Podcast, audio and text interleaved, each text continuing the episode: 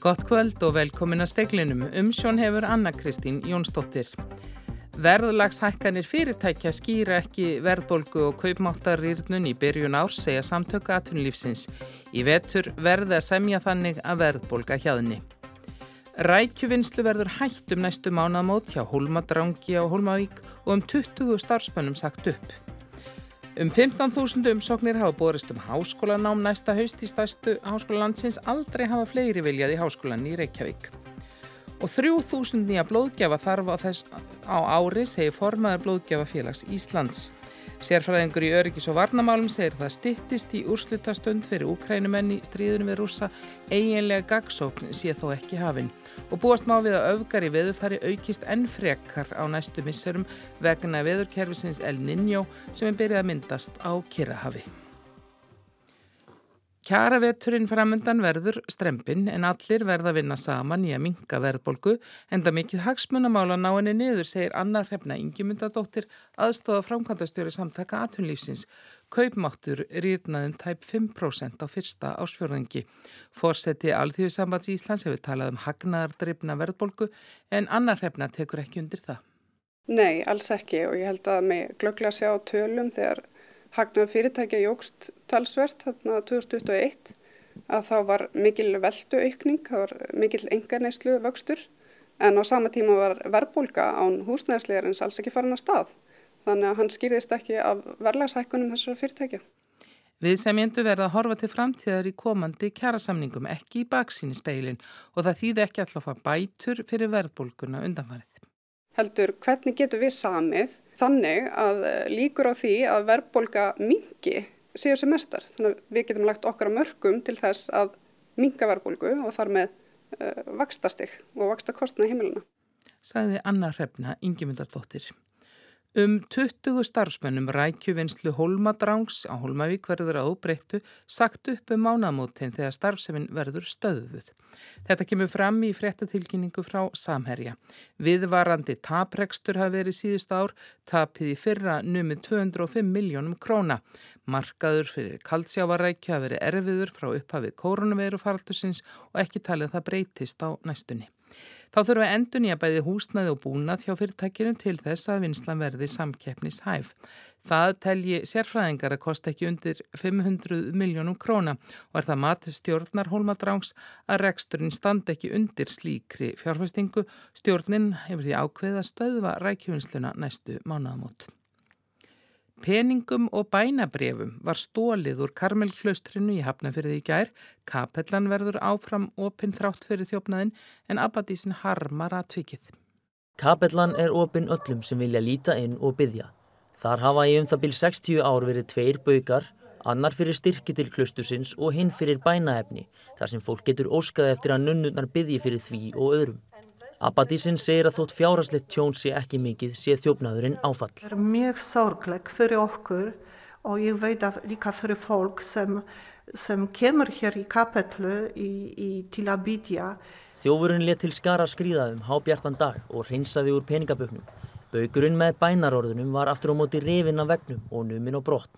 Nunnurnar byggja fyrir þjófnum og við söktum þetta á Facebook og sáum mikið viðbrakt af fólki og fólk oftast skrifar að það er mjög sorglegt sem er skrifa er að byggja fyrir þeim sem komi hingat og gerðu þetta. Agnes segir að þjófnaðurinn verði ekki til þess að fyrirkomulæginu í kapellunni verði breytt. Hún verði áfram ólæst og opinn öllum.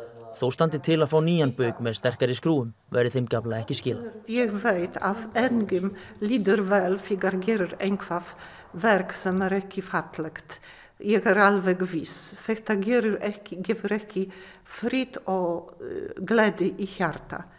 Svo ég er vorkena hon þessi manni sem gerði það. Saði sýstir Agnes Abadís í Karmelklaustrinu. Ari Páll Karlsson talaði við hana. Uppgangur er í þremur stærstu háskólum landsins um soknum fjölgar milli áriðum öllum og aldrei áður hafa jafn margir sótum nám í háskólanum í Reykjavík. Tæplega 9500 sóttum um nám á grunn og framhaldsstíi í Háskóla Íslands og umsóknum fjölgar um 6% milli ára. Þá var það einni fjölgun milli ára í háskólanum á Akureyri þar sem tæplega 1900 manns sóttu um eða um 11% fleiri enn í fyrra. Aldrei hafa fleiri sótt um framhaldsnámið skólan. Í háskólan í Reykjavík hafa um 4.000 mann sótt um nám sem er ekki bara fjölgun umsókna milli ára heldur með fjöldi umsókna frá upphafi. Umsóknum um grunnnám fjölgaði um 10% en erlendum umsóknum og umsóknum í meistaranám fækkaði lítilega. Ragnhildur Helgadóttir, rektor Háskólans í Reykjavík, segir mikla ánægu með aukna ásókn í nám við skólan.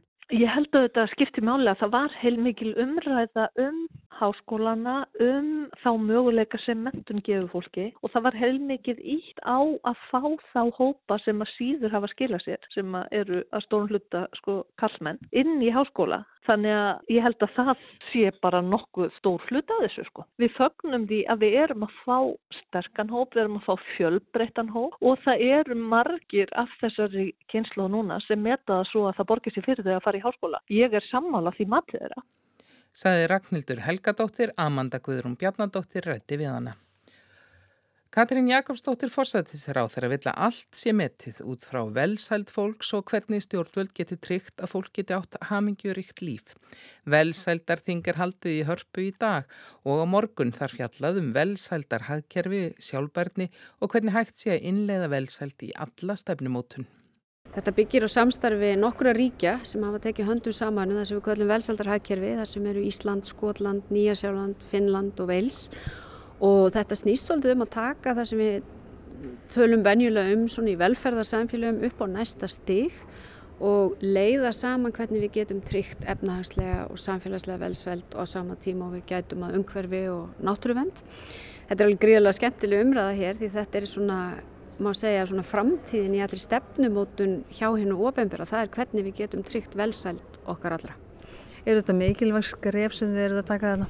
Við erum búin á Íslandi innlega velsaldar mælikvarða, við erum eh, búin að innlega svo kallar velsaldar áherslur í fjármála áallun og nú þurfum við eiginlega að fara að taka næstu skref og, og mín sína það er að við förum að metir um allt sem við gerum út frá áhrifum á velsald fólks og hvernig við getum sem stjórnvöld uh, tryggt það betur að fólk eigi bara hreinlega tækifæri á að lifa hamingiríkur lífi.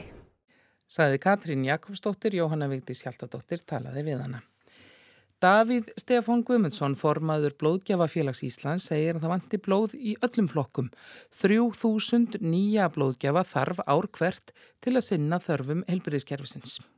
Já, rauninni má segja að vanti bara svona almennt bara helst í alla blóðflokka. Það eru þetta e, sumi selgjafarni aðeins. Það er sérstaklega selgjæft en, en, en og er alltaf það sem kallum neðarblóð og það er alltaf það sem er í, í stöður eftir spöld. Segir Davíð Stefán. Um 8.000 virkir blóðgjafar koma í 11-12.000 blóðgjafir á ári. Davíð segir þó mikið þurfa til að sinna þörfum heilbreyðiskerfisins. Endunína þörfin er um 3.000 gjafar á ári. Blóðgjafafélag Íslands hefur verið virt frá árinu 1981. Félagsmenn halda alþjóðlega blóðgjafa dæin hátilegan í dag. Við erum að eh, gefa hósis í blóðfanganum. Eh, við hérna, hér eru miklu kræsingar, kökur og og akkurat núna eru fulltrúar frá blóðgefafélaginu að grilla hún í gestiðugangandi og blóðgefa sem koma hérna við og ekki síðu starfsfólki, mikilvæg starfsfólk blóðbankans sem að sinna okkur þegar þeir komum. Ína Björg Hjálmarsdóttir, deildastjóri blóðbankans, segir að á sömrin gangi erfiðlega að ná í blóðgefa. Hún hvetur áhuga sama til að kynna sér heilbreiði skilirði blóðgefa á blóðgjöf.is.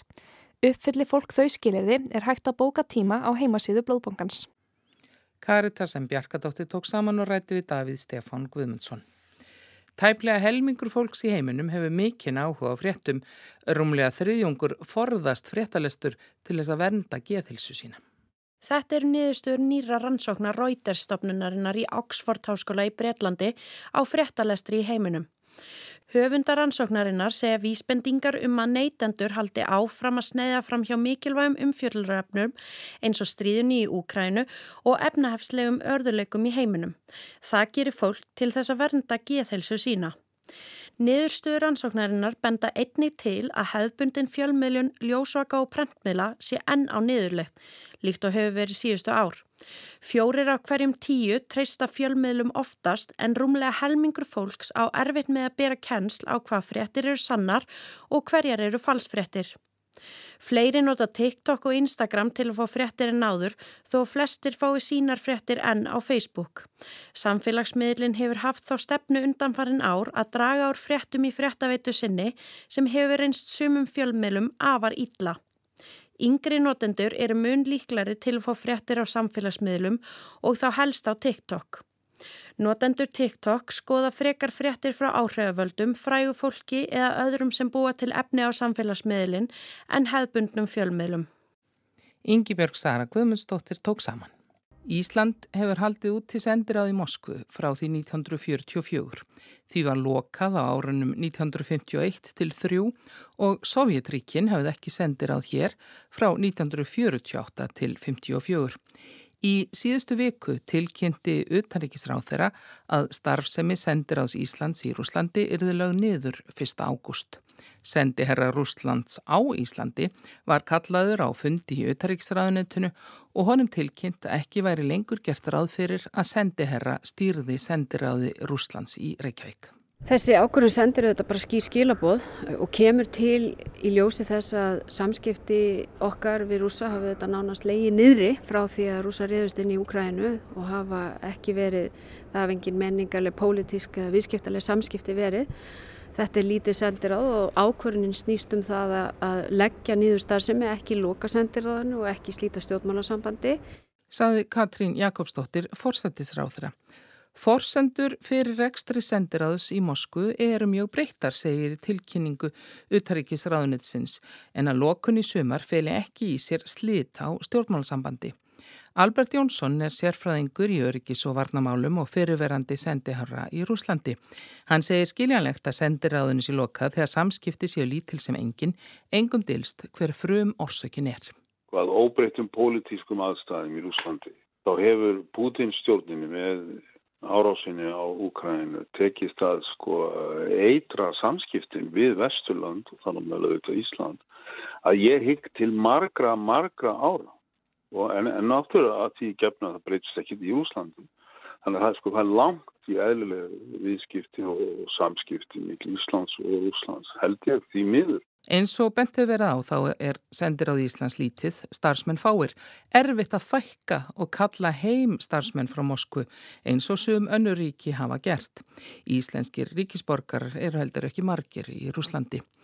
Í gær barustæði fréttir að undarfanna daga hefðu net árásir beinist meðal annars að alþingi og stjórnaráðinu ekki útlokað að þær tengdust ákverðunum lokun sendiráðsins.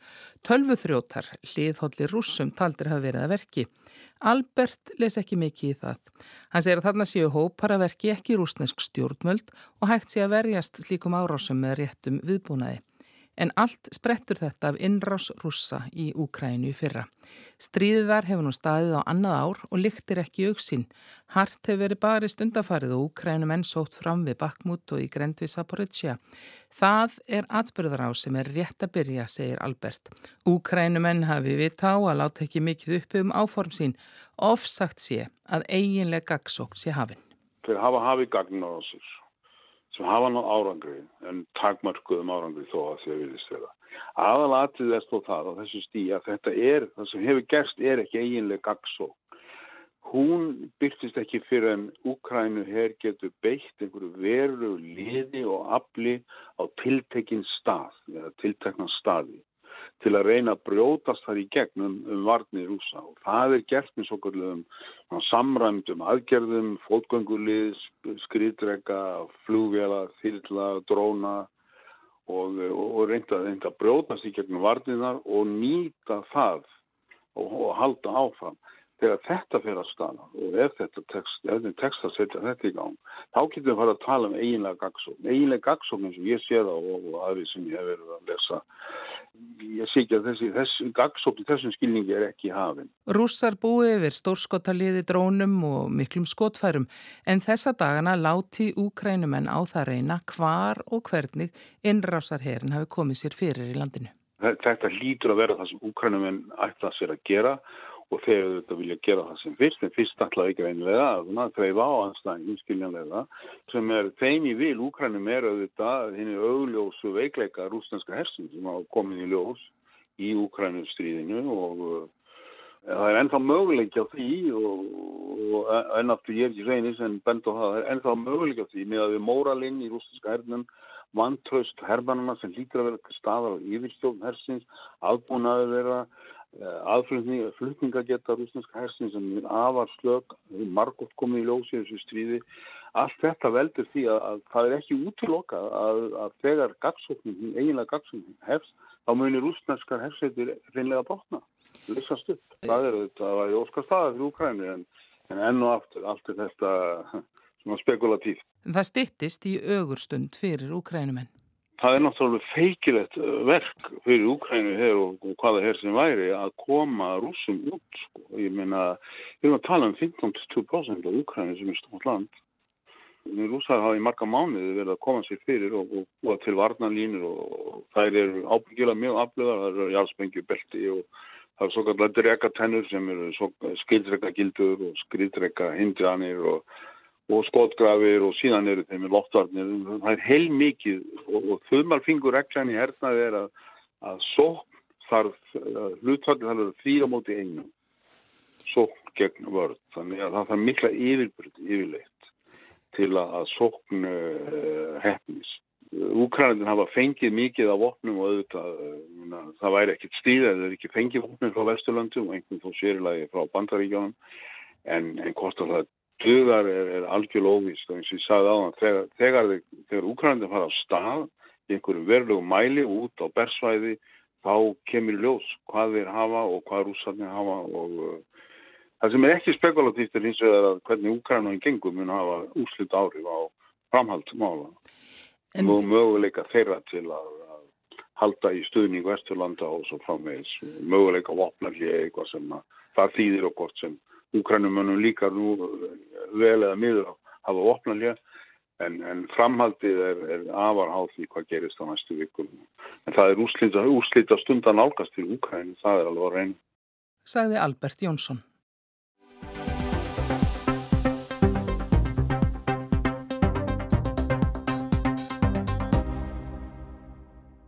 Viðurkerfið El Niño er komið á kreikað nýju að því er hafræði og loftslagsstofnun bandaríkjana tilkynnti í síðustu viku. Tíðindin áttu svo sem ekki að koma óvart. Vilfram Mufuma Okia, yfirmaður alþjóða veðurfræðistofnunarinn er í Genf, greindi frettamannum frá því síðasta mánuði að 60% líkur væru á að El Niño erði vart í mæi eða júni. Líkurnar færu síðan vaksandi eftir því sem liði á sumarið.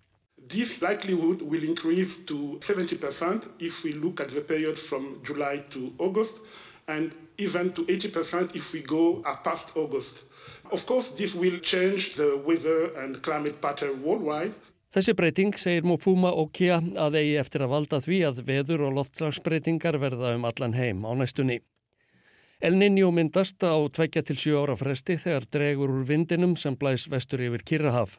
Þá mingar uppstremi kalds sjávar næri ströndum Suður Ameriku, nálagt miðbaug eða stöðvast jafnvel alveg. Við það hlínar sjórin og veldur breytingum á úrkomu og hitast í á jörðinni, mismiklum þó. Mufuma Okea segir að miða við það sem gekk á síðast, það er árið 2016, megi búast við miklum breytingum á veðurfari næstu árin. The warmest year was the 2016 according to our uh, uh, report. So we are expecting uh, in the coming two years to have uh, a serious increase in the global temperature.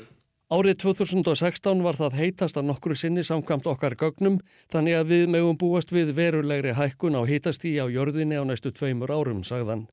Þetta kemur heim og saman við það sem Haldur Björnsson, loftslagsfræðingur á viðurstofinni, sagði í hátægisfrettum útvarpsins í síðasta mánuði. Hann hvaðst gera ráð fyrir að árið í ár er þið eittið heitasta í sögunni ef ekki það heitasta. Sérfræðingar, hafræði og loftslagsstofnar bandaríkjana segja meira en helmingslíkur á að El Niño nái hámarki í vetur. Það þýði að hitti á austur Kirrahafi verði að minnstakosti einu og halvu stígi herri en í meðal ári. Richard P. Allen, professor í loftslagsvísundum við Háskólan í Redding á Englandi, segir í viðtali við franska ríkisútvarpið að NCOF snemta segja hver áhrifin að veðurkerfinu verði að þessu sinni. Náið að fullum krafti á næsta ári megi búast við að hitametið frá 2016 verði slegið. Gera má ráð fyrir að sögn Vilframs Mofuma og Kea yfirmanns alþjóða veðurfræði stopnarinnar að öfgar í veðurfæri aukist í einsum heimslutum. Fyrir reynsla segir okkur að búast með yfir þurkum á stóru svæði í Ástralíu, á Indlandskaga, í Söður Afríku og norður hluta Rómönsku Ameríku, segir hann. Þá má rekna með flóðum í Söður hluta bandaríkjana og sem staðar í mið-Asju. Stjórnvöld í ymsum löndum eru þegar farin að búa sig undir veðurabreitingar vegna El Niño. Í Peru hefur jafnverði 146 miljardar króna til dæmis verið erdnamert til að takast á við afleðingar hamfaraveðra. Filipseyingar sem þurfa á ári hverju að takast á við nokkra fellibili hafa skipað stjórnar nefnd sem á að skipulegja viðbröð við yfirvofandi hamförum. Efnahagslegar afleðingar af El Niño verða umtalsverðar. Í tímaritinu Science byrtist grein í síðasta mánuði þar sem því var spáð að samdrátturinn geti numið alltaf 3 biljónum dollara. Framleiðsla á landbúnaðarvörum dregst saman þar sem hamfarirnar verða hvað mestar, jafnvel um meira en þriðjung í Ástralíu svo að dæmi sé tekið. Í Evrópulöndum telja sérfræðingar að áhrifin af El Niño verði minni en víða annar staðar. Richard P. Allen, profesor sem fyrir var getið, segir að haustin geti orðið blöytari en alla jafna í Fraklandi, Portugal og Spáni. Í mið- og söður hluta álfunar verði oktober og november hlýrri en venjulega. Ásker Tómasson tók saman.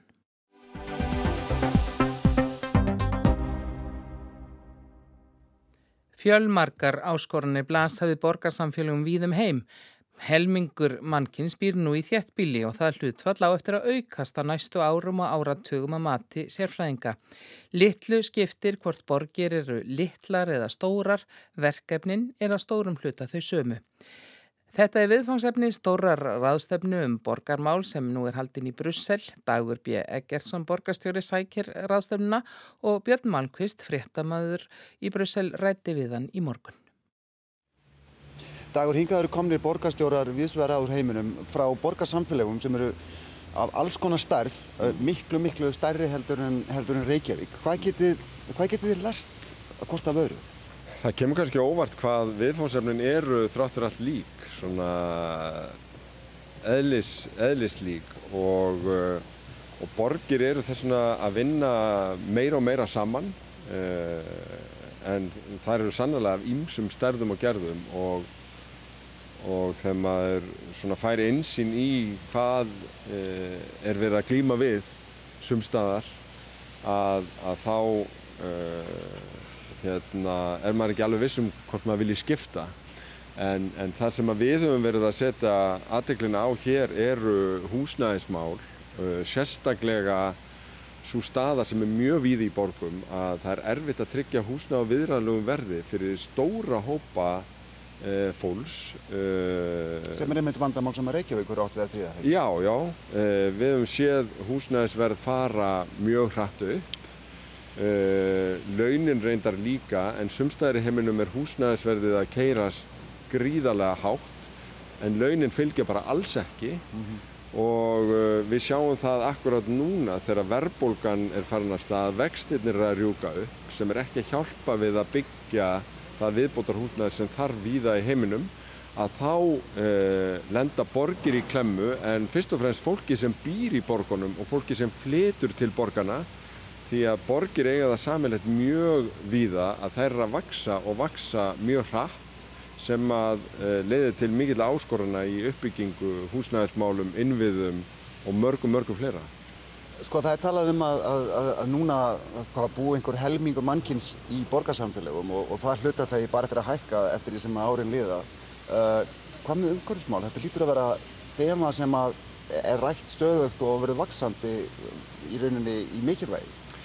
Já, grænumálin eru uh, í algjörum forgangi hjá borgum um allan heim. Uh, þeir eru að glýma við í raun að bílar taka ótrúlega mikið pláss og, og uh, uh, þannig að það er verið að innleiða virka samgöngumáta eiginlega bara út um allt. Og uh, við mismikla vinsaldir, þetta er, þetta er allstaðar uh, umræða.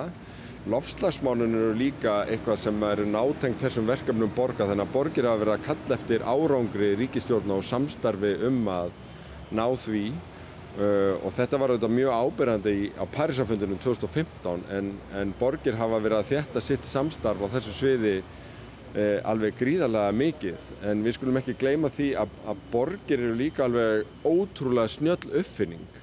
Þar sem að því að er stitta vegalengdir eh, milli fólks, milli fyrirtækja og draga þannig að sér verslun og viðskipti og skapa í raun rosalega mikla, mikinn auð og velmegun sem að ef að við höldum rétt á málum eh, að þá getum við dreifst því á sangjarnan hátt eh, milli fólks og Eh, en það reynir rosalega á víða í heiminum þegar, að, þegar fólk flikkist til borga.